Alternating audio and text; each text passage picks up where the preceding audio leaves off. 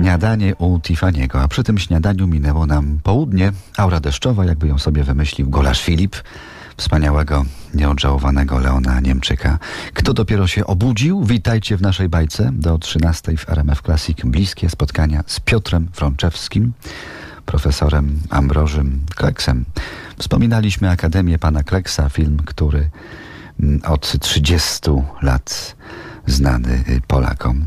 Zdjęcia plenerowe kręcono na Krymie. Dziś na Krymie, jak wiemy, Putin, jak się Piotrowi Frączewskiemu podoba dzisiejszy świat, w którym najdrastyczniejsze sceny ogląda się w sieci od ręki właściwie. Czy to przeszkadzać może w skutecznym działaniu sztuce? I na to pytanie próbowaliśmy odpowiedzieć.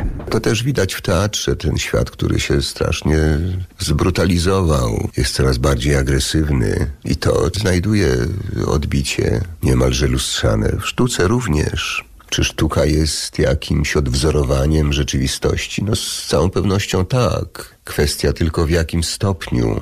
To Gucio pięknie mówił, że gdyby nie skłonność do obcowania z nierzeczywistością i potrzeba tworzenia fikcji, do dzisiaj byśmy nie, nie, nie latali w powietrzu i nie, nie próbowali dotrzeć do głębi oceanów.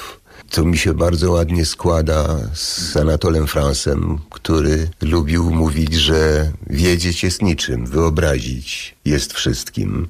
I w tym bym upatrywał oryginalności i siły sztuki, że to wszystko, co co jest na, naszą powszedniością, no bo to ten świat y, z tą globalną wsią jest już właściwie pozbawiony tajemnic jest tylko dany do, do konsumpcji, do obejrzenia, do odsłuchania, no i ewentualnie jakiejś reakcji na to. Natomiast to, co jest właśnie sztuką imaginacji, wyobrażenia sobie, a więc dotarcia do jakiejś transcendencji, wydaje mi się, że jest głównym, powinien być w każdym razie głównym pokarmem sztuki, główną inspiracją. Na szczęście jakaś tajemnica wciąż zostaje. Ja myślę, że tak.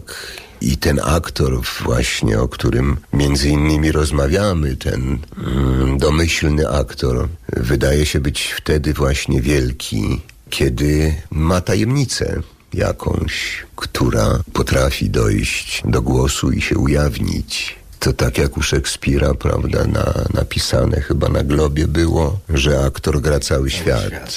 Pan na początku wspomniał o takich moich próbach w wielu, że tak powiem, dyscyplinach sztuki, bo z całą pewnością nie mamy do czynienia już z takim podziałem, jaki mm, był w wiekach minionych, czy tam XIX-XVIII wiek, kiedy byli aktorzy szekspirowscy, aktorzy molierowscy i psenoscy.